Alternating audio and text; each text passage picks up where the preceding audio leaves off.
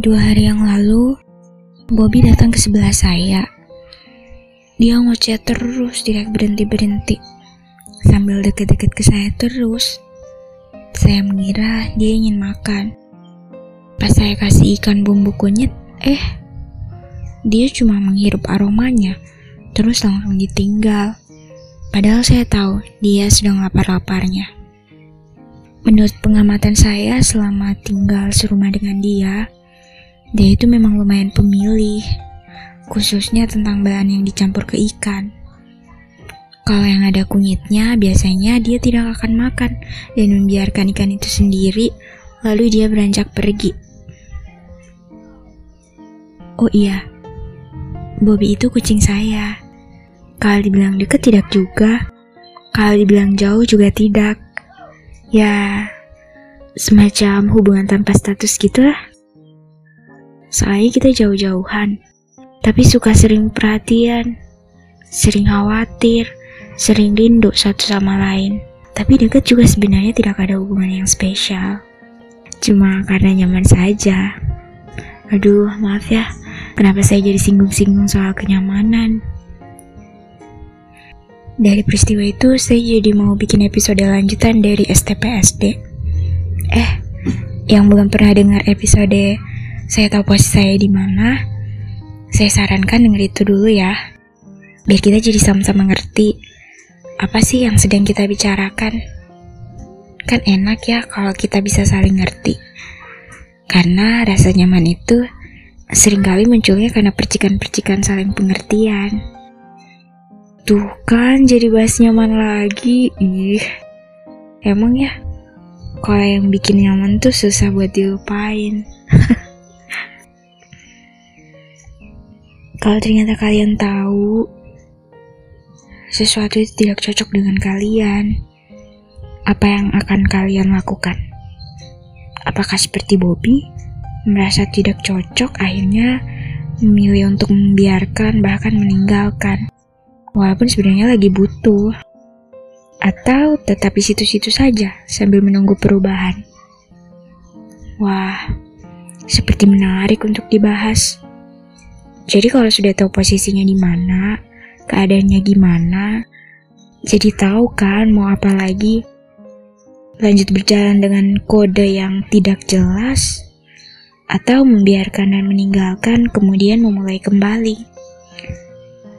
Sebagian mungkin memilih beranjak, meninggalkan lalu menemukan yang baru. Sebagian lagi mungkin akan tetap tinggal di posisinya tanpa mau merubah arah. Itu bergantung dari perspektif masing-masing sih.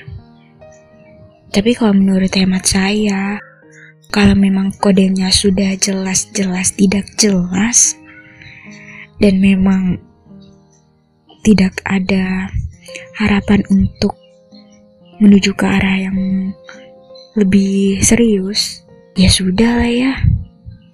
Yang pasti, coba untuk tetap on ya menjalani hidup. Karena ingat, kalaupun dia yang menunjukkan arah kemudian menghilang di tengah jalan, ya sudah. Kita coba cari penunjuk arah yang lain saja. Atau kita coba untuk berjalan sendiri, siapa tahu di sepanjang jalan malah ketemu penunjuk yang lebih seru. Ingat ya, dicoba untuk move deh. Biar bisa tetap on menjalani hidup.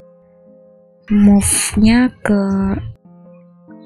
move-nya terserah kalian. Mau berjalan selangkah, dua langkah, atau mungkin mau lari, ya terserah kalian move-nya mau ke mana. Kalau sudah benar-benar tidak jelas, mungkin akan sulit untuk bisa langsung benar-benar um, melangkahkan kaki dan kemudian berpindah dari posisi yang sebelumnya.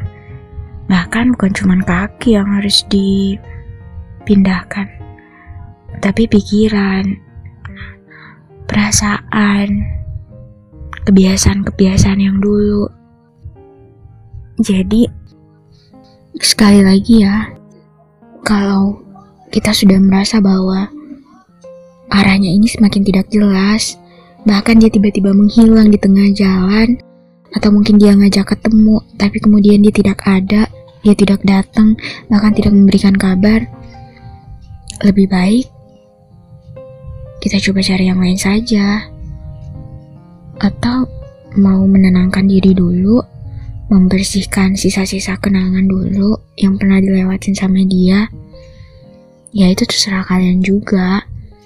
Yang pasti untuk apa kita menunggu seorang yang sebenarnya tidak mau ditunggu? Ya, kira-kira seperti lagunya Firsa Besari yang judulnya juara kedua. Menunggu tapi tak ditunggu Bertahan tapi tak ditahan Wah, parah sih. Parah, parah, parah, parah. Kalau kita harus menunggu seseorang yang memang sebenarnya tidak punya niatan ataupun memang ternyata pernah punya niat tapi ternyata niatnya berubah saya kira itu hal yang sia-sia ya kan? Jadi lebih baik memilih untuk mencari yang lain saja. Walaupun tidak semua pasti yang bisa um, bisa langsung benar-benar berubah bisa bisa bisa benar-benar mengubah arahnya dia karena Ya tahu sendiri kan ya. Ya memang tidak semudah itu. Tapi daripada kita terus-menerus menyakiti perasaan kita sendiri, sedangkan kalau seperti itu kan yang lebih banyak ruginya sebenarnya kita. Kita udah susah payah tiap hari, tiap detik mengingat dia. Tapi kalau ternyata dia ternyata tidak memiliki perasaan yang sama, kan sia-sia.